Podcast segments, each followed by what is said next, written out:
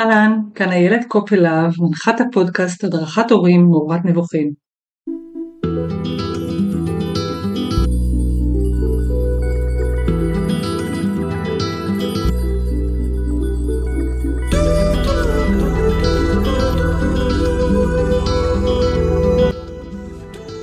אני מדריכת הורים בכל שלבי ההורות מאז שנת 2005, מלווה החל מההיריון כמכינה ללידה, ליוויתי לידות בעבר, מה שנקרא דולה, מדריכת הנקה וכמובן מנחת הורים לילדים בכל הגילאים. אני מתמחה בעולם התאומים כאימא לתאומים בני 18 פלוס כיום, להם שני אחים, האחד גדול מהם והשני צעיר, וכולם ביחד מהווים עבורי את בית הספר הגדול והטוב ביותר להורות וגם להתפתחות אישית. וגם מהווים עבורי קרקע למידה ופיתוח מקצועי. את הפרק הזה בחרתי להקדיש לנושא חשוב, לתשתית של השותפות ההורית, של המשפחה, והיא הזוגיות, הדבר הזה שממנו מתחילה משפחה. ולשם כך פגשתי את אורי שבתאי, אורי שבתאי היא יועצת זוגית, מגשרת ועורכת דין, והייתה שיחה מדהימה על פתרונות, על מחלוקות, על משברים, כל מה שכרוך באמת גם בתקופה שבה אנחנו נמצאים כיום. בהחלט שיחה מעניינת, האזנה נעימה. אהלן אורי, מה שלומך? בסדר גמור, מה שלומך איילת? מלא זמן לא נפגשנו. כן, במיוחד בפלטפורמה הזאת שהיינו רגילות להיפגש בה. אה, זה היה באמת, היו זמנים אחרים, עכשיו יש את הזמנים האלה. אה, וכן, והזמנים האלה גם הפגישו אותנו שוב, אה, ולדבר היום על נושא מאוד מאוד מאוד ככה חם ובוער נוכח התקופה הייחודית הזאתי. של uh, מלחמה, של uh, אנשים שלא נמצאים בבתים שלהם, זוגות שנאלצים uh, לבלות בנפרד, מילואים, דברים ש, ששינו את, ה, את המצב. את יודעת, אפילו אני יכולה לשתף שחמי וחמותי, שהם מפונים מקיבוץ הגושרים, וחמי היה בכיתת כוננות במשך 80 ומשהו יום. אה, והיא פשוט, אפילו בגיל הזה, אה, נאלצה אה, לחיות בנפרד ממנו כל התקופה הזאת. זה מעניין, תכף אנחנו ככה באמת ניכנס לעובי של זה ונבין את הרעיון באמת של איך, איך עובדים עם משברים בתוך זוגיות, אבל אני רוצה רגע גם להעלות פה את הנושא של שותפות הורית וזוגיות בעצם, ואת המשברים שיש גם, גם בהיבט הזה, במצב המשברי שאנחנו נמצאים בו היום, אבל גם, גם בכלל. אה, אני יכולה לשתף אותך, אורי, שכשאני עושה קורסי הכנה ללידה, אני דווקא את השיעור האחרון מדברת על זוגיות. כאילו אחרי שהם עשו הכנה והם התלהבו ומה, איך תהיה הלידה ומה צריך לעשות ומה זה, אחרי שכבר חיממתי טוב טוב טוב, אני אומרת, אוקיי, בואו נדבר רגע על הזוגיות. כי בתפיסה שלי, זה בסיס לכל מה שיבוא אחר כך בעצם. כאילו, הרי תמיד אני אומרת להם, למה אתם פה? כי זה התחיל מאיפשהו, זה התחיל מהזוגיות שלכם. עכשיו, ברור שיש גם, בואי נניח את זה פה, שותפויות הוריות שהן לא מזוגיות, חשוב גם להזכיר אותם, אבל לא לשם כך התכנסנו פה. אמ, אבל באמת זה משהו שאני ככה מטפטפת להם בעדינות, ואני ככה אומרת להם, תראו, אחרי הלידה, תשתדלו כמה שאתם יכולים לזכור את מה שאני אומרת לכם עכשיו, ולשים לב לתשומת לב שלכם וליחס שלכם, לזוגיות שלכם, גם כשתישאבו לתוך עולם ההורות אה, המאוד מאוד מאתגר שמצפה לכם מעבר לרגע הזה של הלידה, בטח אם זו לידה ראשונה, סליחה, אבל גם, גם בלידות חוזרות שיש עוד ילדים, אז בכלל. אה, אבל זה נושא ככה באמת אה, לא מדובר בעיניי. זאת אומרת, הכנה ללידה היא, את יודעת, איך איך היא רוצה ללדת, מה היא רוצה לעשות, מה הוא צריך לעשות, מה הדולה תעשה, כל מיני כאלה דברים. וואי, סליחה. הכל בסדר, מותר לנו. העונה, העונה. אמ, ואני מבינה גם מזה שבאמת ככה פניתי אלייך כדי שנבוא ונדבר על זה היום, גם כמדריכת הורים להורים כבר לילדים בשטח, כן, בגילאי שלוש ויותר, אה, ואפילו בני נוער, אה, וכמה זה חשוב לבוא להבין מה זה הסיפור הזה של זוגיות בתוך המערכת הזאת של שותפות. כי בסוף אני הבנתי, לפני שנפגשנו, שבעצם זוגיות זה מבנה חברתי. כאילו, יש פה קשר בין שני אנשים שרוצים להיות בהדדיות, ב- ביחד, ב- בהפריה הדדית, כל מה שכרוך בזה, אבל ברגע שנכנסת השותפות ההורית, אתה עושה שם משהו לזוגיות הזאת, ותכף ככה תרחיבי על זה. אז קודם כל, אה, אורי, ברוכה הבאה, ובואי ספרי לנו קצת על עצמך, אה, מה את עושה, אה, מאיפה את, איפה, איפה את עובדת וכו'. אוקיי, okay, אז קודם כל, ברוכה, מה שנקרא, נמצאת, ותודה רבה שהזמנת אותי ככה לשיח הזה. וככה אני אגיד למי ששומע אותנו, אז אני אורי שבתאי, אני יועצת זוגית ומגשרת עורך הדין בגישה הוליסטית. ודגש בגישה הוליסטית, ולמה אני אומרת את זה? כי אני לא מייצגת בית משפט.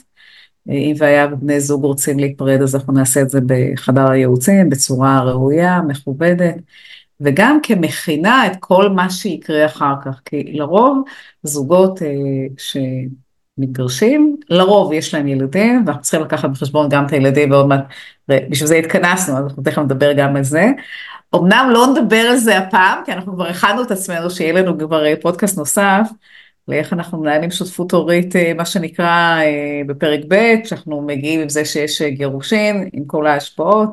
אז אנחנו, אנחנו עוד נמצאים בשלב ששני בני הזוג הם נמצאים ביחד ומנהלים הורות משותפת.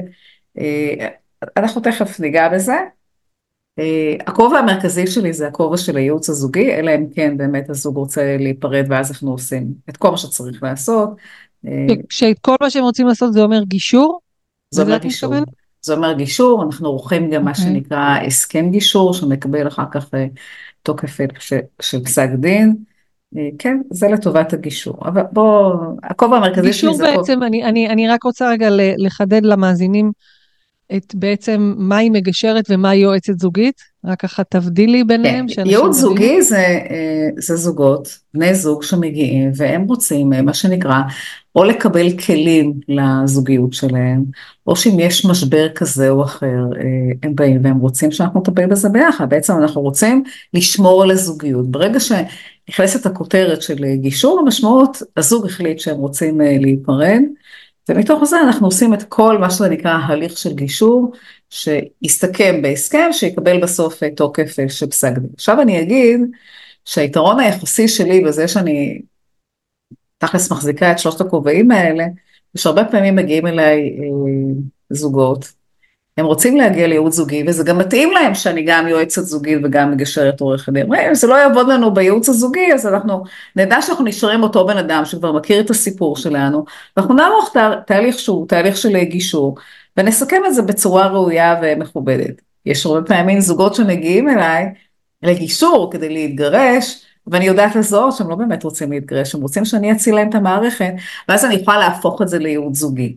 זאת אומרת, הטאצ' הטיפולי mm. הזה הוא הולך ממקום למקום, והוא משרת אותנו בכל הצורות, אני גם אגיד שגם כשזוגות מתגרשים אצלי, אז אני מכינה אותם לפרק ב', ושזה אה, חשוב בפני עצמו, כי פרק ב' הוא הרבה יותר מורכב מאשר פרק א', וגם כשאני רואה זוגות פרק א' שהם כאילו נורא ממהרים, מה שנקרא, אולי אה, לרצות לפרק את המערכת, אני אומרת, תקשיבו טוב, כל מה שאתם מתמודדים כרגע בפרק א', זה הולך לקפוץ לכם פי כמה פעמים בפרק ב'.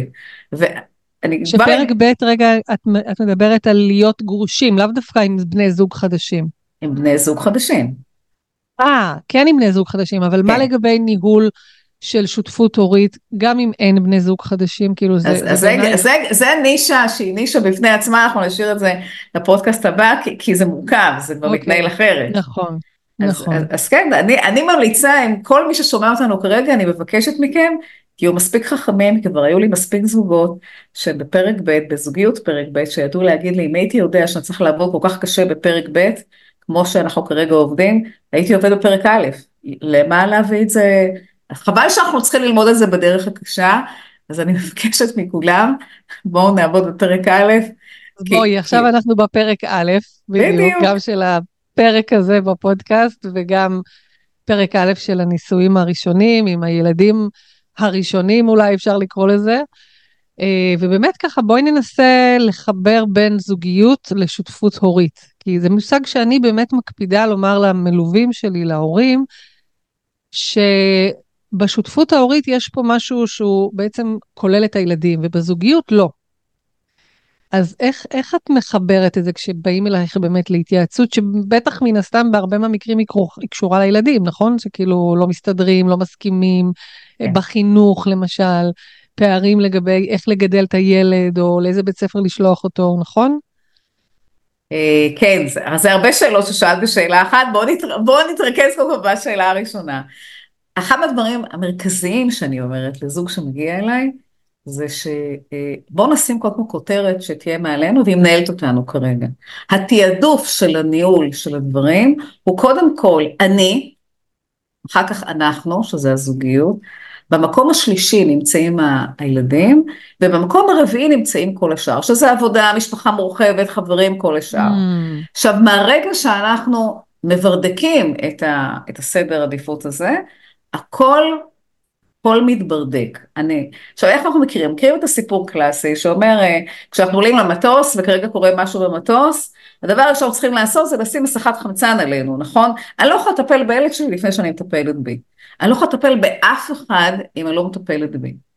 עכשיו, לפני שיש ילדים, זה נשמע לנו בסדר, אני, ואז אחר כך הזוגיות, ו...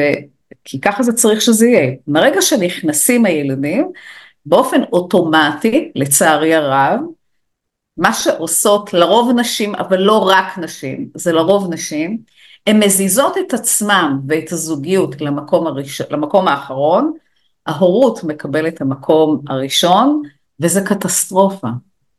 לא רק שזה לא, אין מקום לאני, אין מקום לבן הזוג, לזוגיות, ויותר מזה, אנחנו מגדלים ילדים שמרגישים מרכז העולם. ו- וזה המקום ש... ש, שאני מסבירה להורים, דרך זה שאני מסבירה את זה, הם מבינים שהם חייבים להיצמד לסדר העדיפות הנכון. אני אומרת, תראו מה, אם אתם זזתם, ובאופן אוטומטי גם הזוגיות זזה למקום האחרון, וילדים כרגע הפכו להיות במקום הראשון, אתם לא מכינים את הילד שלכם לחיים. הם הם באופן אוטומטי, כאילו ילדים, הם, הם רוצים משהו, ישר אתם עליהם. עכשיו, ילד שאני לא מחנכת אותו להיות מה שנקרא סגן, אני מחנכת אותו להיות רק ראש, אני לא מחנכת אותו להיות מוכן לחיים, שזה בעייתי. עכשיו, איך אנחנו רואים את זה גם הרבה פעמים, ילדים, נגיד רואים את אבא ואימא שהם מתחבקים, הם ישר רוצים לבוא להיכנס פנימה. עכשיו, זה חמוד, נכון, אבל נכון. זה חמוד מקומית. עכשיו, מה, מה ההורים צריכים לדעת לעשות? רגע, עכשיו אבא ואמא מתחבקים, עוד מעט גם אתה, אם אני רוצה ככה, כאילו לתת דוגמה שהיא מהמקום של התעדוף. ואז, ואז גם כשיגיע כבר נגיד ילד נוסף מעבר לאותו ילד, הוא, הוא כבר רגיל להיות סגן, הוא לא רגיל להיות ראש שהכל עליו. עכשיו, mm. עכשיו אחד מהדברים... זה בעצם ש... כאילו, אם אני מסתכלת על זה כמו הלהקה, שהוא לא יהיה מיד אלפא. אלא הוא הצטרף עכשיו ללהקה, יש את האלפא אימא, אלפא אבא, אתה עכשיו חלק מהלהקה. חד משמעית, חד משמעית, ואני מלמדת mm-hmm. אותו ככה להיות בצוות. הוא לא, זה לא הכל עליו, זה, זה... עכשיו, ברגע שאני אומרת את הדבר הזה לה, אה, להורים, שכשאתם שמים את הכל עליו, אתם, לא רק שזה לא עובד לכם, אתם גם מזיקים לו, רק אז הם יוצאים לפעולה, ואומרים לי, את יודעת מה, אז אם זה ככה, אז בסדר, אז בואו נדאג לעצמנו ובואו נדאג גם לזוגיות. חבל שאני צריכה להסביר את זה ככה, כן. אבל את יודעת מה, מה אכפת לי? אם זה מה שיצליח לסדר את כל המערכת, מעולה. עכשיו, אני, אני גם אגיד שמשהו שהוא מאוד מאוד חשוב, אה, שהרבה פעמים אנחנו גם לא נותנים עליו את הדעת, הזוגיות לא יכולה לעבוד אם אין מקום לאני, ואני הוא במקום הראשון, ואז הרבה פעמים אני צריכה ממש, אני נותנת שיעורי בית לזוגות, כאילו אני אומרת להם, אמרנו, אני, הזוגיות, הילדים וכל השאר, בואו תעשו לי כרגע ליסט של אה, שבוע שלם. איך אתם נותנים בתוך היומן שלכם, בשבוע שלם, מקום לאני, מקום לזוגיות, מקום להורות והמשפחה ולכל השאר. כי, כי אחרת איך נתרגם את זה למציאות? זה לא רק להגיד את זה ברמת הכותרת, צריכים לתרגם את זה למציאות.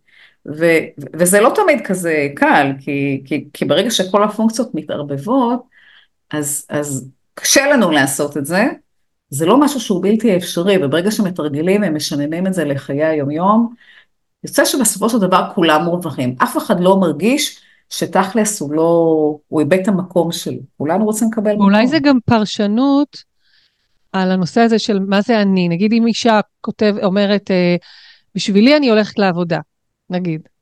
אבל זאת השאלה, האם את הולכת בשבילך או שאת הולכת כדי לפרנס את הבית, נגיד, כן?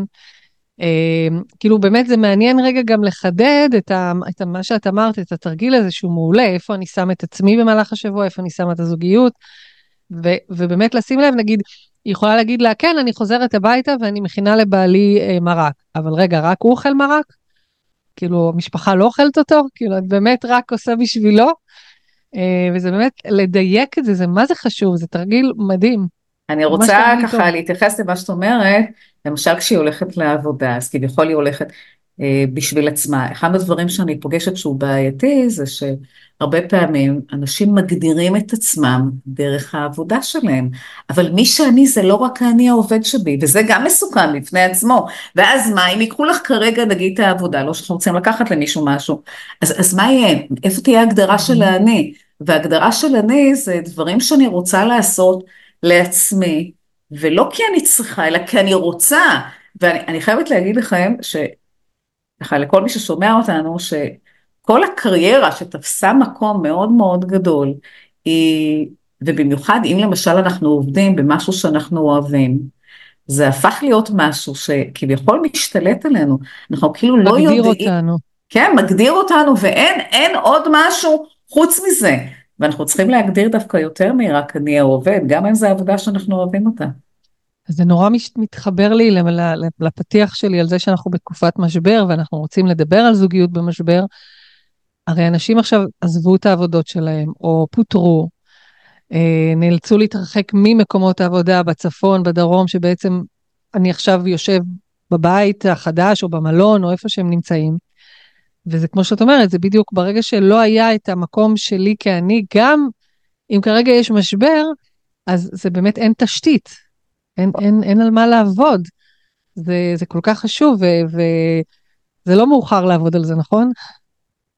זה אף פעם לא מאוחר, זה גם מבקש החלטה, החלטה אישית והחלטה משותפת של, של מה עושים. עכשיו, אני רוצה להגיד שאם היה לנו לפני זה מערכת יחסים שהיא מערכת יחסים שלא עובדה לנו כמו שצריך, מגיע המשבר הזה והוא מטלטל אותנו. עכשיו, הוא מטלטל אותנו וזה לא חייב להיות רק לשלילה.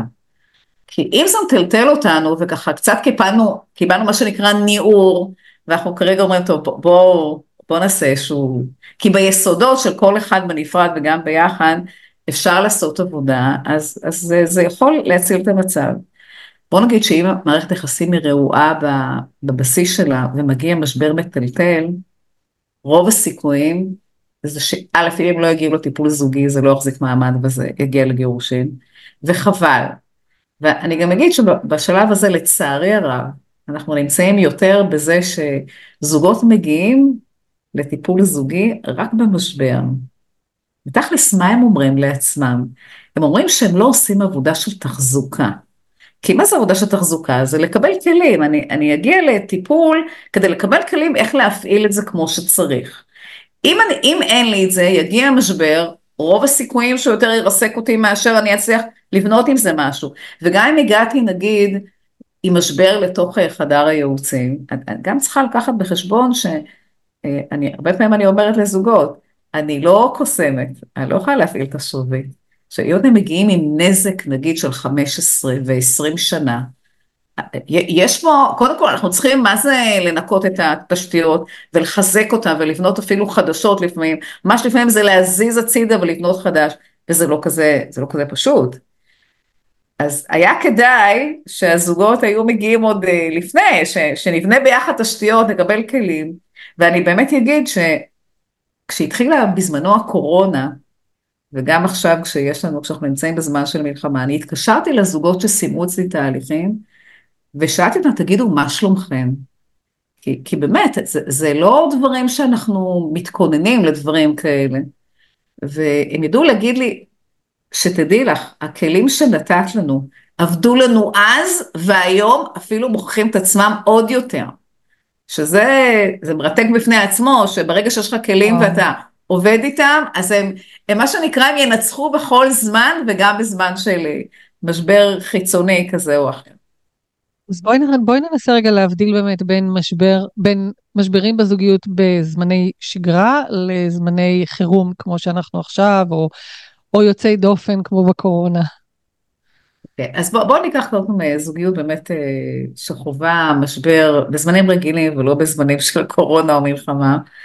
אנחנו נגיד שלרוב זה מתיישב על בעיות תקשורת.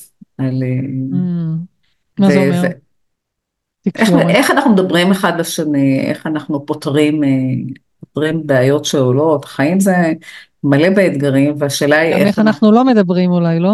גם, זה גם חלק מלדבר, אה, לדבר בפנטומימה, אה, או שחס וחלילה לעשות ניתוקים, יש כאלה שעושים שעות, ימים, שבועות וחודשים, שאחר כך הם כבר לא זוכרים אפילו, ו, וגם מחנכים אחד את השני, וגם מענישים דרך זה, שזה בכלל בעיה בפני עצמה.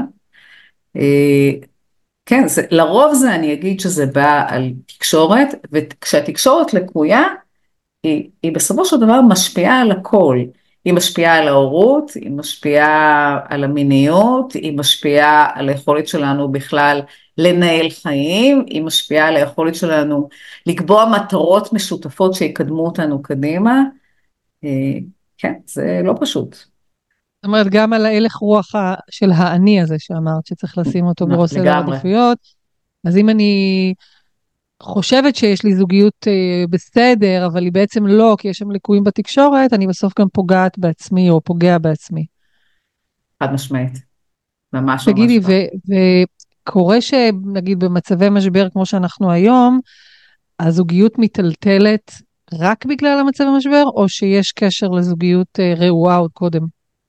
חד משמעית, ואז פה באמת זה, זה ככה, זה עובד שחור ולבן, זה או שהטלטול החיצוני יביא אותנו לזה שאנחנו נלך לטפל, אם יש לנו, אם יש לנו זוגיות רעועה, או שאנחנו בעצם נגיד, זה, זה בעצם, אם היה טיטוק כזה שמתחת לפני השטח של כל הבעיות, ברגע שיש משבר חיצוני, הוא, הוא, הוא בא בצורה חזקה.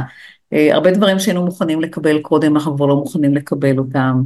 אה, אני אגיד ש, שזה זה נכון אחד, ועכשיו בוא, בואי ניקח את זה רגע לסיפור המפונים. זאת אומרת... זהו, ה... אני רוצה באמת להתייחס לנקודות שעולות עכשיו מהשטח, נשים שהם באמת, כמו שאמרתי, מפונים, והם נאלצים לשנות את uh, אורח החיים שלהם מבית שיש בו, לא יודעת מה, חמישה חדרים לחדר אחד. אה, זוגות שכמו שאמרתי, גם אני חוויתי על בשרי, שבן הזוג יוצא למילואים של אה, עשרות ימים, ולא רק 20, אה, 20, בין 20 ל-30 יום, ואלי גם היה 80 ומשהו יום, ואני אגיד שבכנות, שחווינו פה ושם משברים כאלה של כאילו, היה נדמה כאילו הרבה יותר טוב לו שם מאשר פה, ואני בטוחה שהרבה נשים חוות את זה לפעמים, כאילו מה, אתה לא רוצה לחזור הביתה? ואז הוא אומר לך, כן, אבל זה לא רק אני, זה כולם. ו- וכל אחת מרגישה שבעצם אולי הוא לא שם אותי בעדיפות ראשונה, כאילו, כי מה, אתה אחריו. קודם? אחריו. אחריו. אוקיי, אוקיי. וזה מעניין, כי באמת מעניין איך בסוף, כל, אם יצא לך להיפגש עם התמודדויות בתקופה כן. הזאת, איך, איך, איך זוגיות טובה יכולה לעזור ואיך זוגיות רעועה אכן מבליטה את הקושי עוד יותר. אוקיי, okay, אז, אז בואו נתחיל דווקא, נעשה את זה בצורה מסודרת, נדבר על, על אלה שלא מפונים, שתכלס גרים בבית, זה הפך להיות פריבילגיה לגור בבית שלך. הפריבילגים. כן, וגם כשנמצאים שניהם בבית ולא אחד מהם הלך למילואים. זה פעם. כן. אחת, נכון? ואז בפעם השנייה יש לנו את מי שהלך למילואים ו, ובעצם נשאר מי שנשאר בבית, ובפעם השלישית יש לנו את סיפור המפונים שנדבר גם עליהם. אז, אז בואו נתחיל דווקא, דווקא מההתחלה. אז, אז בואו נגיד אם שני בני הזוג נמצאים בבית ו, אה, והם לא מפונים, אז הם צריכים להתמודד, להתמודד עם מה שיש. זה הרי שונה אם אני נמצאת באזור שהוא יותר האזור המרכזי של המדינה, או שזה אה, נמצא בגבולות. וגם אלה שנמצאים נגיד כביכול בגבולות אבל הם לא מפונים, הם, הם גם עוברים שם סוג של טלטלה, שלא לדבר שיש אזעקות, שיש את כל זה, זה, זה לא פשוט, זה, זה נכון. הופך את, את כל המערכת ליותר הישרדותית, וכל זוג מגיב אחרת בזמן הישרדות. יש זוגות שכל עוד יש את הבעיה החיצונית, הם מתגייסים פנימה, וכאילו כל הבעיות שלהם הן זזות הצידה, הן לא קיימות, כי כרגע יש משהו שצריך לטפל בו. זה, עכשיו, אם, זה, אנחנו צריכים להיזהר גם מזה, כי אם רק משהו חיצוני הוא זה שמאחד אותנו, אנחנו בבעיה קשה. וברגע שזה יסתיים, אז אנחנו נחזור לעצמנו, ואז אם יש דברים שלא זה מזכיר לי מישהי, מה זאת אומרת? מדינת, מדינת כן, ישראל. זה, כן, זה מזכיר אותנו, אותנו בגדול, שכשאנחנו, יש לנו באמת משהו מבחוץ, אנחנו מתאחדים, אנחנו צריכים להיזהר מהדבר הזה, זה כל פעם ממש. ככה תופס אותנו מחדש. אה, אז, אז, אז זה פעם אחת. אה, בפעם השנייה זה הזוגות שהם אה, זוגות שבן הזוג יצא למילואים. ואני אגיד פה ש... שאם הזוגיות חוותה לפני את זה שחלוקת התפקידים בבית היא לא חלוקת תפקידים הדדית, ופתאום עכשיו בן הזוג יצא למילואים, זה משאיר את האישה בבית, שהיא שכל עול האחריות בעצם יושב עליה, ואם יש לה ילדים אפילו יותר. ואם גם אין לה תמיכה שהיא תמיכה גם משפחתית, חברית, תמיכה בכלל שיכולה לקבל מה, מהסביבה. היא מרגישה נורא לבד. ואני יכולה להגיד לך שככה פגשתי באיזשהו, באיזשהו פוסט של איזה מישהי ש, שכתבה, מה, מה, על מה אתה מתלונן? אתה נמצא שם במילואים, אתה, אתה ישן, אני לא ישנה. כאילו, אני לא יכולה אפילו, כן, אני לא יכולה אפילו להבין אותך ולהכיל את המצב שלך, כי אני גם נמצאת במלחמה, והמלחמה הזו מלחמה מבית, כי, כי אני בהישרדות, אם אני לא ישנה ואני לא מצליחה לתפקד, והכל יושב עליי, קשה לי. עכשיו, אני גם אגיד שמלחמה הזו היא גם מאוד מחדדת את, ה, את, ה, את המאפיינים הזכריים והנגביים. זאת אומרת שאם לרוב אנחנו נגיד שנשים הן יותר עגולות וגברים הם יותר קוויים, אז המלחמה הופכת את הקווי ליותר קווי, ואת העיגול ליותר עיגול, ואיך זה בא לידי ביטוי? זה שהקווי הוא מדבר קצר, ובזמן מלחמה הוא מדבר עוד יותר קצר, ואז אם אני רוצה לדבר איתך, אני בכלל לא יכולה לדבר איתך, אין לי מי לדבר. וואו, אני... כל כך נכון. מדהים, אני... אני חוויתי את זה גם, אני פה מספרת, אני, אני ניסיתי לדבר איתו כמה פעמים, ול... טוב, אין לי זמן, אין לי זמן כרגע, מה את רוצה? תגידי. כן, כאילו... תכלס, עכשיו, להגיד לאישה תכלס, כאילו, מה זה אומר? זה לטאטא אותה, זה לא להתייחס אליה, זה לא לראות אותה, ואז היא, היא, היא מרגישה עוד יותר מתוסכלת. ודווקא בזמנים האלה אני אומרת אה, לנשים, אני מנסה לתווך את השפות, שזה, okay, אוקיי, שמאוד חשוב לעשות את זה, נכון. ו- וגם להגיד לנשים, אתן חייבות להבין משהו, א', אני בזמן הזה אפילו יותר מהרגיל, אני מבקשת מנשים להיות באחווה נשית. כי, כי הן צריכות את זה, הן צריכות את התמיכה, אה, את התמיכה של חברות, התמיכה של נשים, את הדברים שאנחנו עוברות, וזה לא מבקש תרגום. כי הרי הוא כרגע בזמן שלו, אם הוא נמצא בזמן קו, הוא יוצא למלחמה תרתי משמע. לפעמים זה אפילו לא מלחמה בשדה, לפעמים זה מלחמה על, ה, על העסק אולי שיש לו, על מקום העבודה, ש, שזה גם, ואז הוא הופך, הוא בהישרדות, ו- וכל אחד כאילו, כן, וכל אחד מנסה בעצם להתגייס בדרך שלו, ואנחנו צריכים לתווך את השפה, אבל עדיין נשים צריכות לקבל את התמיכה שלהן. כל אחת שתמצא לעצמה את התמיכה שלה, לפעמים זה יכול להיות אה, באיזושהי קבוצת תמיכה, לפעמים זה יכול להיות אה, אה, מהמשפחה, לפעמים זה יכול להיות חברות. אגב, אני אגיד משהו שהוא מאוד מאוד חשוב, אה, כשאין לנשים וגם לגברים מה שנקרא מערכת תמיכה שהיא שלהם בלי שום קשר ל, ל, למעגל המשפחתי, זה מאוד, זה מאוד מעמיס לזוגיות. ואז בזמנים כאלה זה אפילו מוכיח את עצמו עוד יותר כמה שזה מעמיס. ואז ההישארות לבד היא אפילו יותר גדולה. אז מאוד מאוד חשוב לעשות, לעשות גם את הקטע הזה. ו, ואני אגיד ש... נגיד למשל הגבר, הגבר חוזר מה, מהמילואים. ואת נורא רוצה לדבר איתו, אבל את צריכה להבין שהוא צריך לעשות מעבר. זאת אומרת, גם הוא צריך להבין שהוא צריך לעשות מעבר, אבל גם את צריכה להבין ש, שצריך להיות כאן איזשהו סוג של מעבר, וגם לבדוק את מידת הפניות לשיח. זאת אומרת, לפעמים אני יכול אולי לדבר ברמת פניות מאוד מאוד, אה, מאוד מסוימת, ו, ואני יכול אולי לרדת לעוד רמת פניות, אבל להגיע איתי ממש לשיחה של ממש, לא בטוח שאני יכול לעשות. עכשיו, זה שאני אומר לך את זה, זה לא אומר שאני לא רוצה להקשיב. אני פשוט מגיע ממקום שהוא לא פשוט, אני צריך רגע לא, להוריד מעליי את, ה, את, ה, את כל מה שאני באה איתו, וזה לא פשוט לי לעשות את זה, ו, ונשים, הרבה פעמים, מה, מה הן רוצות? כשהוא מגיע, אז הן נורא רוצות כבר לדבר. ואנחנו צריכים לבדוק כמה יש פניות לשיחה, זה, זה, זה לא פשוט. זה מזכיר לי גם את הרגע הזה שגבר חוזר מהעבודה אחרי שנולד לו ילד והוא יצא כבר לעבודה, והיא בבית עם התינוק, או אני פוגשת הרבה תאומים הרי, וידיה עמוסות והיא קורסת, ומה היא עושה כשהוא חוזר הביתה? כך! כך אני הולכת. עכשיו זה כאילו השיחה הזאת, ככה זה, ואני רוצה להגיד לך כמה זה קשה לי.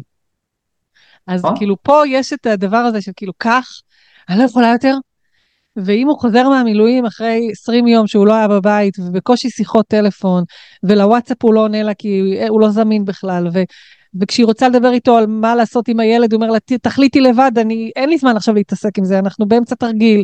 ו- וכן, והוא עסוק, ו- וגם אם הוא בלילה היה לו גשם והוא נרטב, אז עכשיו הוא רגע צריך לייבש את כל האוהל שלו. כן, זה, זה באמת עוברים שם חוויות לא פשוטות. נכון, יש להם אחוות גברים, אגב, אם נגיד למה יותר קל להם, כי הם ביחד, מה שאנחנו נכון. לא, כן, כנשים בסוף אנחנו נשארות בתוך הבית הקטן שלנו. אנחנו לא חיות בשבט, כן? זה שהם הלכו אנחנו לא עושות מילואים עם, עם נשות מילואימניקים. כן, אבל אולי אנחנו אנחנו יכולות להתאחד. יכולות להתאחד בינינו ולעשות את זה, כן. לעשות צו שמונה לנשות מילואים. בדיוק, בדיוק, ושהילדים יהיו ביחד ואנחנו נהיה ביחד ונשתף.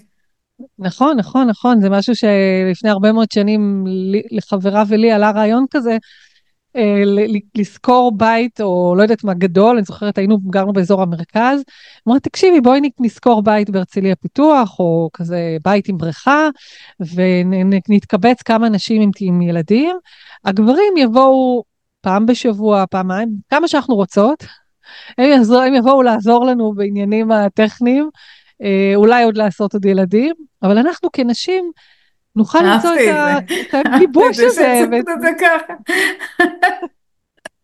אולי הם יבואו לעשות עוד ילדים, זה יפה. יפה, נכון?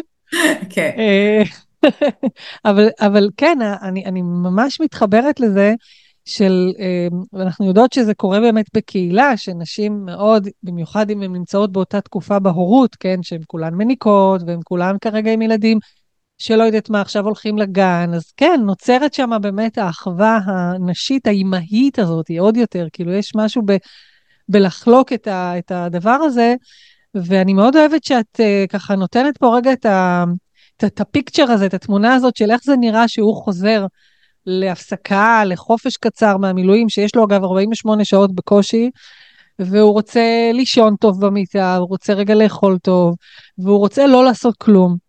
ו- ואת רוצה, כן, לבוא ולספר לו איך היה בזמן הזה, ומה הילדים עשו, ומה הם לא עשו, וכמה התרגזת, וכמה היה לך קשה, ו- ו- ואתם לא באותו מקום, אתם בכלל לא על אותו קו. אתם צריכים אני, רגע... את יודעת שאני, אני, אני לעומת זאת רוצה לספר לך שאני רואה הרבה נשים שמבקשות בכל מיני קבוצות של פייסבוק, אה, שזה נורא יפה, זה כאילו באמת לראות, את ה, לראות אותו, למקום שלו.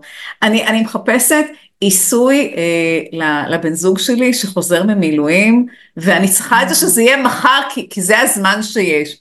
היא מבינה, היא, זה, זה, זה, הדרך, זה הדרך שלה לעשות את התיווך לבן הזוג שלה, ובאמת בלהבין ש, שזה מצבו, כי אחרת הוא לא יוכל להיות איתה גם הוא נורא ירצה. נכון, נכון, וזה עוד איזה באמת ככה מין אה, טיפ קטן כזה, כן, זה, זה פשוט רגע לקחת את מה שקשה לו, ו, ו, וכן, ובואי נודה באמת, בסוף אנחנו אנשים קצת יותר חזקות מהם. אה, מצטערת עם אה, לגברים שמאזינים, אבל אנחנו מסוגלות להבין את זה קצת יותר, יש לנו יכולת הכלה, כמו שאמרת, העיגול הזה, כן, המיכל הזה, יכול לראות דברים שהקו הזה, הפליות הזאת שיש בזכרים, לא יכולה לראות. וזה כל כך חשוב להבין את זה, אני מתארת לעצמי גם בקליניקה, נכון? שכאילו, מי אני כגבר ומי אני כאישה, כל אחד מהם שזה, ו- ורגע להכיר ב- ב- במקום הזה, לא סתם אומרים גברים ממאדים נשים מנוגה, נכון? כאילו, זה נכון. חשוב להבין את זה. אני, אני גם אגיד שאחד מהדברים שאני אומרת בקליניקה, אפרופו גבר ואישה, אני אומרת שנשים הם מנגנון מורכב, ו- וגברים הם מנגנון פשוט, ואני אומרת, מזל שיש מנגנון פשוט אחד. כי תתארי לך שהיינו שני מנגנונים מורכבים, זה היה יותר, יותר מורכב, נכון? עכשיו גם יותר מזה, מנגנון פשוט הוא גם מנגנון שבא לפשט. הרבה פעמים זה, זה משהו שנשים יכולות כאילו מצד אחד אה, לבוא ולהתלונן על המנגנון הפשוט של הגבר, מצד שני, לפעמים היא באה עם איזשהו סוג של מורכבות, והוא מסתכל על זה, והוא מביא משפט פשוט, והוא מפרק לה את כל המורכבות, ואני אומרת, תסתכלי על זה ותגידי תודה. זאת אומרת, זה לא רק כאילו, זה שזה שונה ממך, זה גם בא לסייע לך בכל מיני מצבים. וכמובן נכון. שגם הוא לקח אותה, כי שני מנגנונים פשוטים במצבים מורכבים לא הצליחו להתמודד. אז, אז יש פה איזשהו סוג של סנרגיה שמייצרת משהו יותר טוב מאשר אם זה היה שניהם מאותו סוג. וואו. אני גם רוצה רגע לטובת המאזינים שאולי חיים במשפחות אה, חד-מיניות, להגיד שבטוח יש משהו בחיבור של גם גברים עם גברים וגם נשים עם נשים, שההשלמה היא אנרגטית, זאת אומרת שיש מצב שנפגוש מישהו שהוא יותר מורכב לעומת מישהו שהוא פחות, וההפך, כאילו גם, וגם אצל נשים, נכון? כאילו יצא לך בטח... אז מכיוון שאני, מכיוון שאני מטפלת גם בזוגות חד מיניים, אז אני אגיד ש... אני מזהה את זה בשנייה, שמי זה שם הזכרי ומי זה הנגבי, הם הרבה פעמים אפילו לא יודעים את זה לעצמם, ואני עושה להם אלמנט של שיקוף, ואומרת, תסתכלי, ככה וככה וככה וככה. זה זה, זה, זה מדהים איך שזה עובד ביחד, הם, הם אותה יחידה, הם רק, זה שהם חד מיניים, זה לא אומר שאין להם שם את ה...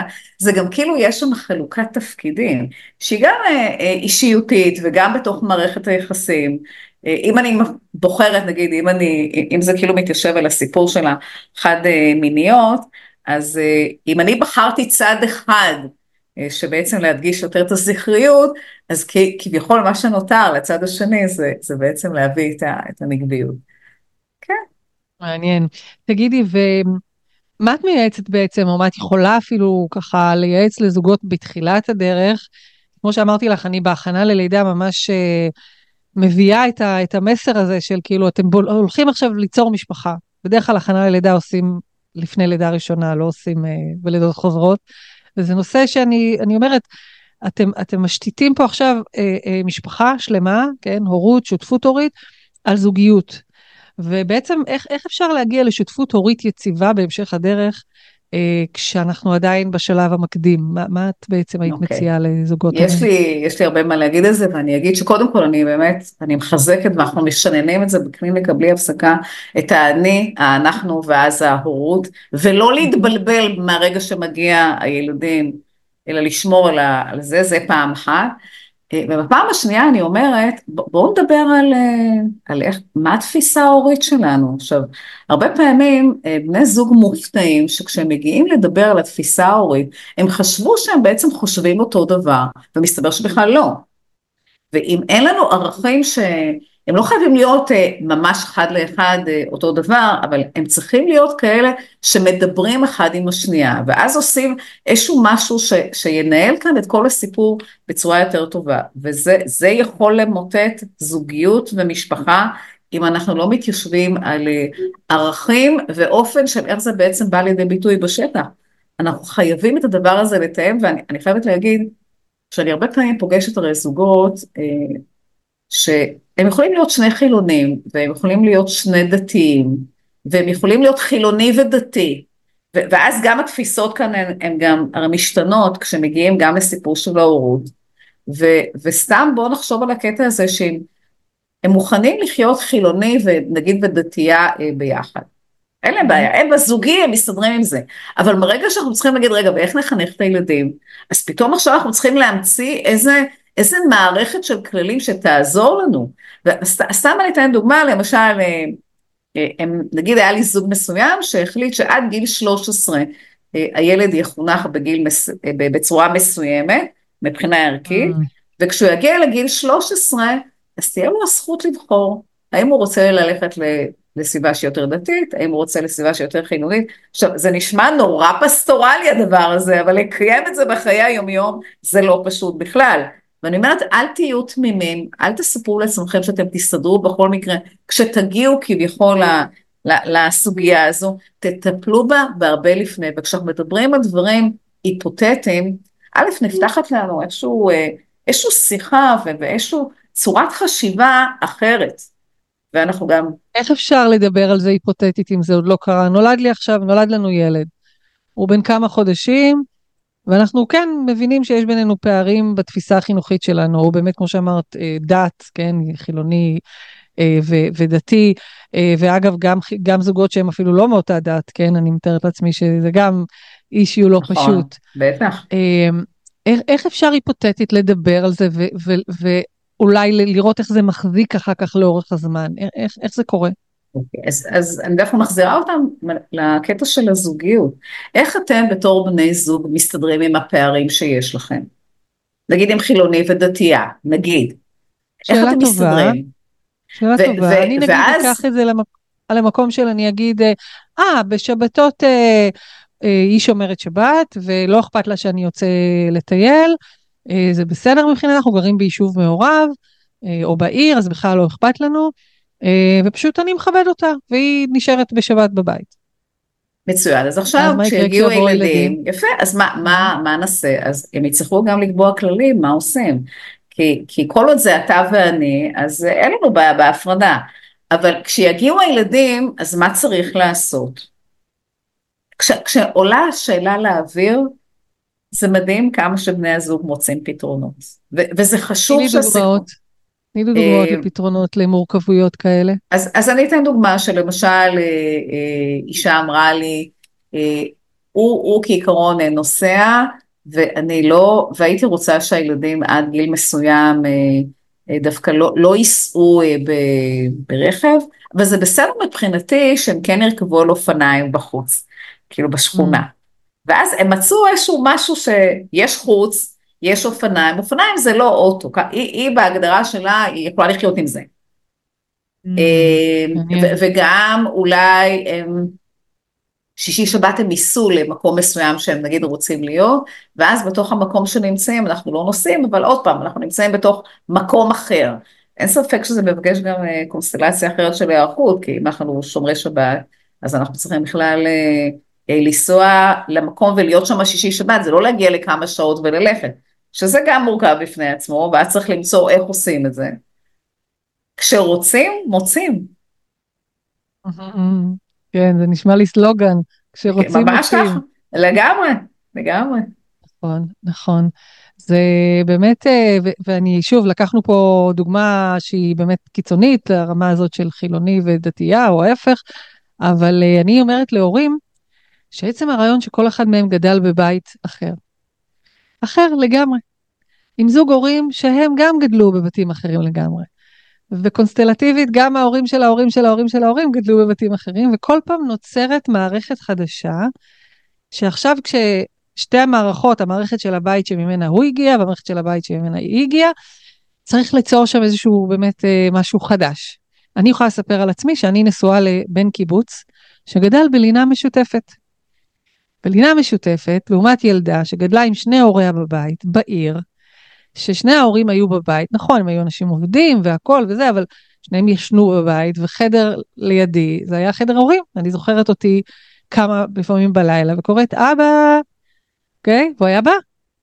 ובן זוגי, יש לו בזיכרון, לא הרבה, הוא לא מחזיק את זה כטראומה, אבל אני, יצא לי גם ללוות אה, נשים יוצאות קיבוץ, שזה ממש טראומה בשבילם, שהן ממש זוכרות שהן עומדות בחלון. הייתה לי מישהי שסיפרה איך, בתור, היא ממש זוכרת את עצמה כמעט תינוקת, עומדת בחלון, ומחכה שיבואו לקחת אותה. וכשאת מבינה שיש פה שני אה, אה, דברים שהם כאילו, את יודעת, שנינו חילוניים, שנינו רואים את העולם כמעט עין בעין, מבחינת ה- לחיות כזוג, אבל הנה משהו ממש משמעותי, שנורא יכול להשפיע על הדבר הזה, למשל, האם אני רוצה שהילד יישן איתי במיטה. כן? כן. או שהילד יבוא בלילה. ואז לשמור על אלמנט הרצף, ואז פה אני כדרך אגב, אני דווקא באה ואני אומרת, אה, אה, הרי איך אני אשמור על האני האנחנו וההורות?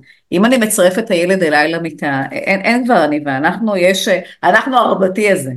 ו, ואתם צריכים לשמור את זה, וגם אתם רוצים בצורה הזו גם להגדיר לילד את הטריטוריה, את הטריטוריה של הזוגיות שלכם, את הטריטוריה של, ה, של איפה ילד יש לו את המיטה שלו, יש לו את החדר שלו, וגם אם יש איזשהו משהו שאנחנו בעצם, שקורה באמצע הילד חלם חלום, אנחנו הולכים לרפא את החלום במיטה של הילד עצמו, לא במיטה שלנו.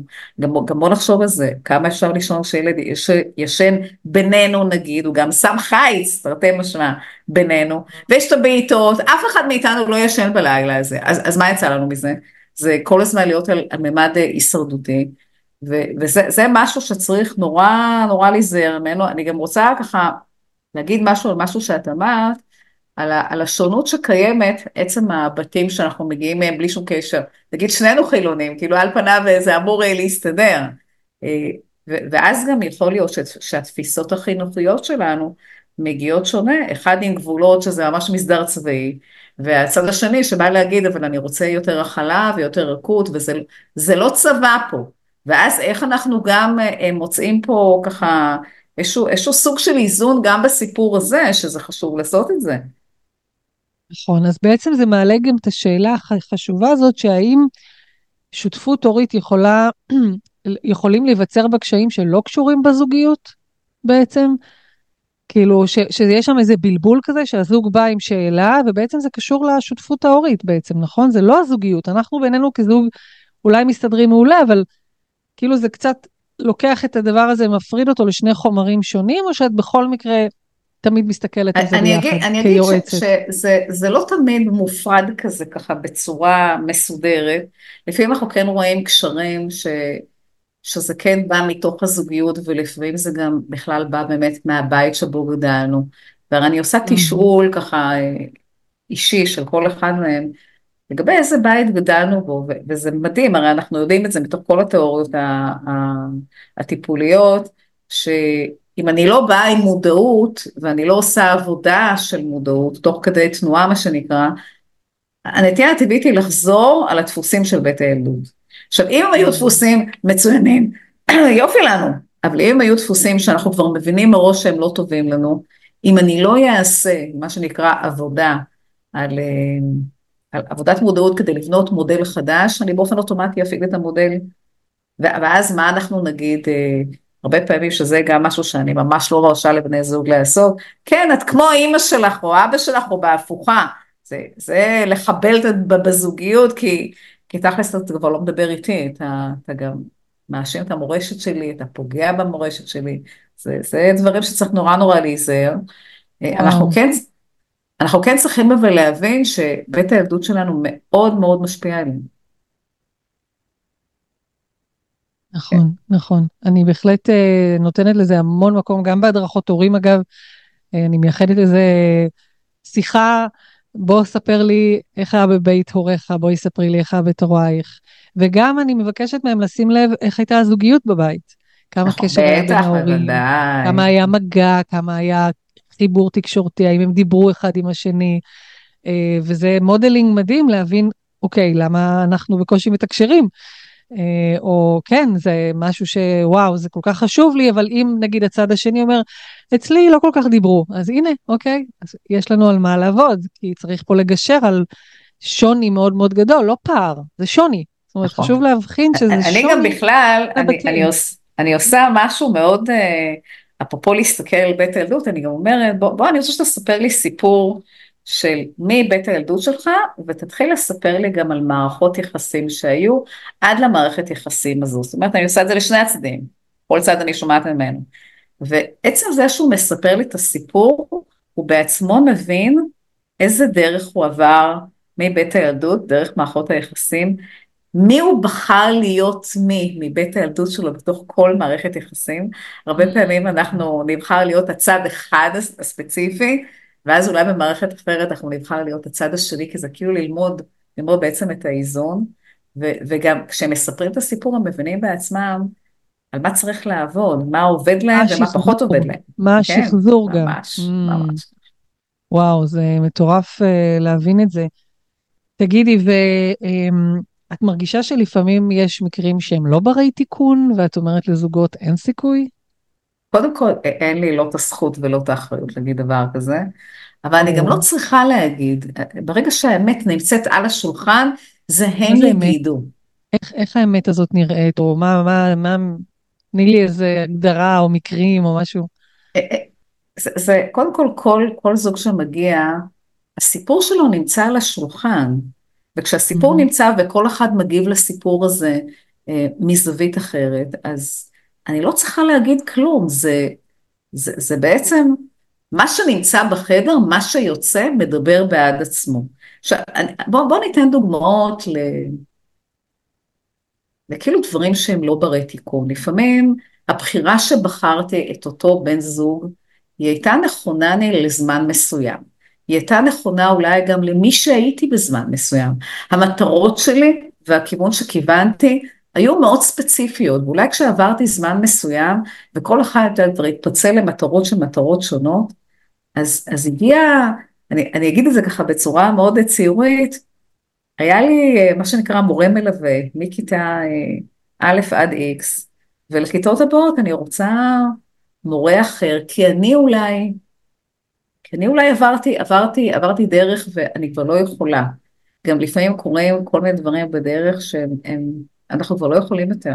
למרות שאני תמיד אומרת שכל דבר שנשבר תמיד אפשר לתקן אותו, ובתנאי שאנחנו בוחרים את זה, צריך לבחור את זה, וצריך שגם הפרטנר השני ככה ישתף עם זה פעולה. אה, אני כן רוצה רגע להתייחס לסטטיסטיקה המאוד מאוד קשה שיש בחוץ, שיש את הקלות הבלתי נסבלת של הפירוק, ויש יותר זוגות שמתפרקים מאשר מנסים לתקן, הם גם מספרים לעצמם שהם יעברו למקום אחר, אז במקום אחר אה, זה יהיה יותר טוב. אחד לא מבטיח לנו את זה, יותר מזה אנחנו גם נגיד שהבית אה, ספר זה אותו בית ספר, כל שאלה איזה תלמידה אני רוצה להיות. אם אני אהיה תלמידה שבאה להתמודד מול האתגרים, ו- ומי שבא להתמודד עם האתגרים, סביר להניח שגם יהיה לו הצלחות. אבל מי שמראש מוותר להתמודד עם האתגר, אז, אז חבל שזה ככה. אבל זה מעניין, כי הם כן מגיעים לקליניקה, אז איך בסוף אין שם רצון להתמודד? איך את מזהה את זה? אה, הם לא תמיד באמת באים להתמודד, הם לפעמים באים כדי להגיד לעצמם אחר כך, כי, כי הם לא רוצים להיות בתחושת הפספוס, אולי הם היו יכולים להגיע ו, אה, ואולי שיקרה שם משהו, עכשיו אני, אני בכוונה הרבה פעמים אומרת לבני זוג, תראו החוכמה היא לא להגיע לטיפול, אתם לא באים לתפוס כיסא פה, ואני גם אגיד לכם עוד יותר, אם אתם לא תעשו את העבודה, אני אפטר אתכם מה, מהתהליך. עכשיו למה זה? כי אתם תספרו לעצמכם אחר כך שייעוץ זוגי לא עובד, לא. יש לי כרגע אחריות גם על הכותרת שנקראת ייעוץ זוגי. הייעוץ זוגי לא יכול לעבוד בלעדיכם, אם אתם לא תעשו את העבודה שלכם, אז זה לא יעבוד, אז למה לכם? אפרופו האמת. אם אתם לא רוצים לעבוד, גם את זה אתם צריכים להגיד. אם נשבע לכם ולא בא לכם יותר, זה בסדר, רק תהיו כנים ותגידו את זה. זה לא שהייעוץ הזוגי לא עבד, זה אתם החלטתם שאו נגמר, נגמרה לכם בדרך משותפת, או שאתם לא רוצים להתמודד באתגרים. רק אף אחד, אה, אני, אני באמת אגיד שאני הרבה פעמים כותבת כל מיני פוסטים על זה שאנשים רוצים להיות זבוב ולהכיר אצלי בחדר. ויש, אה, החדר סופג מלא דברים, לפעמים צרחות בצורות שהן צורות אה, לא פשוטות. בסדר, זה הדרך שלנו בעצם להתמודד, אנחנו צריכים לפעמים לפרק את הדברים האלה. ואני לפעמים אומרת לבני זוג, כל עוד אתם נמצאים בחדר, וגם אם אתם צועקים, זה אומר שא' אכפת לכם, ב' אתם מתמודדים, אתם לא מוותרים, והאופציה השנייה, לצאת מהחדר ולהגיד אנחנו לא רוצים יותר, היא אופציה שהיא רק נראית קלה, היא בהתחלה נראית קלה, אבל היא מתבררת מהר מאוד כלא, כלא פשוטה. עכשיו, לא, אני לא רוצה להרחיב את מה שאנחנו רוצים אולי לדבר בפודקאסט נכון, הבא שלנו, נכון. אבל אני כן אגיד שאם למשל אני מוציאה את עצמי החוצה כמישהי שלא מתמודדת באתגרים, ואני אגיע לזוגיות הבאה, והרי אני אספר את הסיפור, למה נפרדתי, נכון? מה, מה אני אגיד, שאני אדם לא מתמודד? אז בעצם מה אני אומרת לבן זוג הפוטנציאלי או זה שנכנסתי איתו לזוגיות? אני, אני אומרת שבעצם ברגע שיהיה לנו משבר, רוב הסיכויים שאני אקום ואני אלך, אני לא אתמודד. עכשיו, יש מצבים... כן, זה דפוס, זה דפוס כן, חשוב כן, לזהות כן, אותו משהו ש... לגמרי. בוודאי. אני מאוד אהבתי את, ה... את האמירה הזאת על אם רבים, כאילו בעצם יש שם איזשהו כן רצון להיות בקשר, בדיוק כמו שאני אומרת להורים שהילדים שלהם רבים. אני אומרת, ביום שהילדים שלכם לא יריבו, תבדקו אם משהו קרה בקשר ביניהם. כי, כי עד כן, כדי שהם ויתרו עליו. בדיוק, קשר טוב הוא קשר שיש בו גם ריבים, כמובן שמה שצריך ללמד אותם זה איך להשלים גם. ו- וזה כבר סיפור אחר, ואולי גם יש פה עניין של modeling, ששני הורים שכל הזמן צועקים, וגם הילדים צועקים. אה, צריך גם לבדוק ולבחון גם את, ה- את הדבר הזה. ואני רגע נותנת פה איזה חוב קטן שלך, אני מזכירה לך, אמרת שנדבר על המפונים, על המשבר שלהם. נכון, נכון. סיימנו לדבר באנשי צבא, ואנחנו, אה, אה, ככה נשארו לנו עוד אה, חמש דקות, והייתי רוצה שנקדיש רגע למפונים ולעניינים כן. של הזוגיות והשותפות ההורית אה, במשבר כזה. עכשיו אני אגיד שהמפונים הם, הם נמצאים במצב אה, מאוד מאוד לא פשוט, ממש ככה זה נמשך להם השטיח מתחת לרגליים, זה, זה גם אפילו להגיע אה, במצבים שכמו שאת אומרת, אמרת בהתחלה, נמצאים בחדר אחד שלפני זה היו להם חמישה, היה להם הרבה פרטיות, והם צריכים לבנות פרטיות חדשה. אה, הם מגיעים אפילו עם משאבים פיזיים מאוד מאוד קטנים, לפעמים זה מתבטא בבגדים, לפעמים זה מתבטא אולי גם במשאבים אה, כספיים או, או אחרים, והם צריכים ללמוד הכל מחדש. ואני אגיד ש... עוד פעם, זה יכול להיות או לטובה, או לזה שזה בעצם, זה פשוט ישים את ה-dead end של מערכת היחסים, כי, כי גם ככה, כי גם ככה היא הייתה לפני, אה, לא, לא משהו, לא משהו, לא טיפלו בה הרבה זמן, ו, וכאילו זה היה סוג של שקט תעשייתי כזה, זה גם אפילו חיכה, זה חיכה לאיזשהו משבר חיצוני כדי שזה יתפרק. אז, אה, אז כן, זה, ויש, אני חייבת להגיד שיש גם זוגות ש... הם, הם מבינים שאולי הם צריכים גם עזרה בזמן הזה, דווקא בגלל שהם מפונים, והם צריכים שייתנו להם כלים להתמודד בתוך, ה, בתוך המצב החדש הזה. אה, לפעמים זה גם... המצב המאוד מאוד לחוץ הזה, יש שם ממש אה, לחץ נוראי, ולהבדיל אלפי הבדלות, כשאנחנו מדברות על אה, צמצום במשאבים ו, וכניסה לחדר אחד, אז אני נסעתי עם משפחה שלי עם כל הארבעה למסע במרכז אמריקה לפני uh, כמעט עשור, ובעצם מצאנו את עצמנו גם בחדר אחד uh, או ברכב אחד במשך תשעה חודשים, 24-7, ואני זוכרת אותנו לפני שאנחנו נסענו, אמרתי, תשמע, זה הולך להיות מבחן רציני לזוגיות שלנו. ואני מאוד מקווה שאנחנו נחזור ביחד. וכן, אני זוכרת שהעליתי את זה על פני שטח, אמרתי, תשמע, זה הולך לאתגר את הקשר שלנו. איך אנחנו ממשיכים גם להיות ביחד, גם לטפל בילדים, לדאוג לביטחונם, גם לדאוג למסע ולמה שהמסע הזה מבקש. ואני יכולה לספר בגאווה שזה רק חיזק את הזוגיות שלנו. ובאמת אה, מהר מאוד מצאנו את ההזדמנויות שלנו להיות עם עצמנו, למשל היינו קמים בבוקר לפני שכל הילדים היו מתעוררים, יוצאים החוצה למרפסת או איפה שגרנו, ויושבים, שותים קפה, מדברים קצת, אה, נותנים רגע זמן זוגי, כזה, לא במיטה, לא כשישנים, זה לא נחשב. זה זמן זוגי שאין אף אחד בסביבה, עוד רגע ילדים יבואו ויתחיל ההמולה של המשפחה. וזה מאוד עזר לנו, מאוד מאוד עזר לנו הזמני איכות האלה, אפילו היינו משאירים אותם לפעמים בחדר, או איפה שגרנו, והיינו אומרים, אוקיי, אנחנו יוצאים לסיבוב קצר, הם כמובן היו גדולים יחסית, כן? אבל היינו, אמא ואבא עכשיו יוצאים לטיול, ואתם עכשיו פה, אנחנו חוזרים הבית שלם, או איפה שגרנו, החדר יהיה שלם. אה, אני, אני גם... רוצה להתייחס למה שאת אומרת, וואי, את, את שם פה פנינים שחייבים לתת עליהם את הדעת. אז, אז א', באמת לתת זמן, אה, זמן זוגי, כמה שאפשר, אם זה בתוך, ה, בתוך המתחם שאנחנו נמצאים בו, או שבאמת, כמו שאת אומרת, להליכה, זה לא חייב להיות משהו אה, מאוד גרנדיוזי, אני גם בזמן האחרון, דווקא בזמן המלחמה, הוצאתי קלפים, שהם קלפים אה, שהם יכולים להיות גם זוגיים וגם אה, משפחתיים, ומתגלים שם דברים אה, יפהפיים, אז זה פעם אחת, אנחנו לא צריכים יותר מדי, זה נמצא איתנו וזה נמצא איתנו, זה יכול להיות בנסיעה וזה יכול להיות במקום ובכל מקום שנמצאים. אבל הדבר הנוסף שאמרת שהוא מאוד מאוד חשוב, שאם בני זוג יגידו לעצמם, והם יגידו את זה בקול רם וכל פעם מחדש, יש לנו אתגר, אנחנו נעמוד באתגר. הם צריכים להגיד את זה מילולית בקול רם, ו- וגם לשאול אחד את השני איך כל אחד תופס את האתגר, איך כל אחד בעצם אה, חושב איך אפשר לפתור את האתגר, ולהגיד, את, את יודעת, יש לנו כותרת כזאת שזה סלוגן, ביחד ננצח, אז בואו נגיד את זה גם בתוך הזוגיות, ביחד ננצח. זה האתגר שלנו ובואו נעשה את זה. ברגע שאני אומרת את זה, אני כבר שמה משאב. אני שמה משאב נפשי רגשי שנותן לנו כוח, אנחנו באמת ביחד, אנחנו לא בנפרד בתוך הסיפור הזה. כן, וואו. טוב, אני את הסלוגן הזה על הקירות פחות אוהבת, אבל לקחתי כן, את זה כן. לזוגיות. בזוגיות לגמרי כן, לגמרי. ממש, כי בסוף זה באמת כוח כל כך חשוב. ואני אגיד שוב, כמדריכת הורים, יש פה גם עוד עניין של modeling. אנחנו מראים גם לילדים, אנחנו לא מתייאשים, גם אם קשה לנו, את יודעת, בסוף ההורים האלה מתלוננים שהילדים רבים, אבל אתם לא יכולים לפתור את הבעיות ביניכם. אז אה, כן, זה אתגר אה, נשמתי. בסוף בחרנו להיות ביחד מאיזושהי סיבה. בואו נראה מה אנחנו צריכים לעבוד, בואו נראה מה אנחנו צריכים לשפר, מה... הנה, אולי לא שמתי את עצמי מספיק במקום ראשון, לפעמים רק בן הזוג האחד לא שם את עצמו.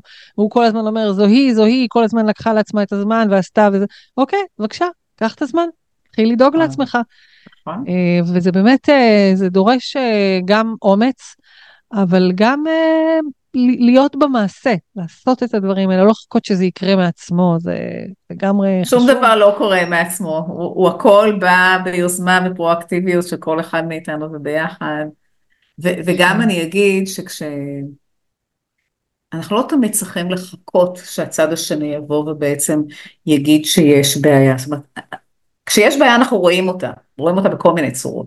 אם אני לא באתי לשאול, תגידי מה, מה קורה, או שתגיד מה, מה, העניינים, אני רואה ש... אני אומרת משהו דרך זה, לא יכול להיות שאני... זה שהצד השני לא דיבר, זה לא מוריד מעליי את האחריות של לבוא ולשאול, תגיד, הכל בסדר? אתה צריך משהו? אני לא אמורה לדעת מה הוא צריך, וגם בהפוכה, אבל, אבל כן לשאול את השאלות. עצם זה ששאלתי, זה משאב לתוך מערכת היחסים. מעולה, אז ככה הוספנו עוד איזה משאב חשוב, עוד איזה ערך חשוב אה, לשיחה הזאתי. אז אני רוצה, אורי, להודות לך אה, ככה על השיחה המרתקת והמעניינת הזאתי. וכאמור, אנחנו ניפגש ממש בקרוב אה, לעשות שיחה על באמת שותפות הורית וזוגיות אה, פרק ב', כי זה נושא חם ב... באזורנו, אי אפשר להתעלם כן, מזה. עם סטטיסטיקה מאוד גבוהה. כן, אה, וכאמור הפרטים שלך יופיעו מתחת להקלטה, אפשר יהיה למצוא אותך אה, באתר ובפייסבוק, אה, וככה לפנות אלייך במקרה הצורך. אז אה, כן, וגם אלייך. איפה שצריך אותך, כי, כי הסיפור הזה של ייעוץ זוגי והדרכת הורים מאוד, אה, זה אחד בתוך השני, לגמרי, לגמרי, זה מחייב שיתוף פעולה. לגמרי. אז אה, תודה רבה אורי, תודה. אלה, תודה. שהזמנת אותי ועל השיח הזה, ואני בטוחה שכל מי שיראה את זה אה, יקבל, אה, יקבל משהו. את יודעת שהרבה פעמים אני אומרת שאת השיחות האלה, תאזינו בזמן שאתם מנקים, תאזינו בזמן נסיעה, ת, תיתנו לזה לחלחל. אם יש איזה משהו שאתם אה, ככה, תפס אתכם ואתם רוצים להזכיר לעצמכם, שימו בצד אה, ככה, ככה כאיזשהו סוג של תזכורת, דברים שלגמרי יכולים לסייע. מעולה, תודה.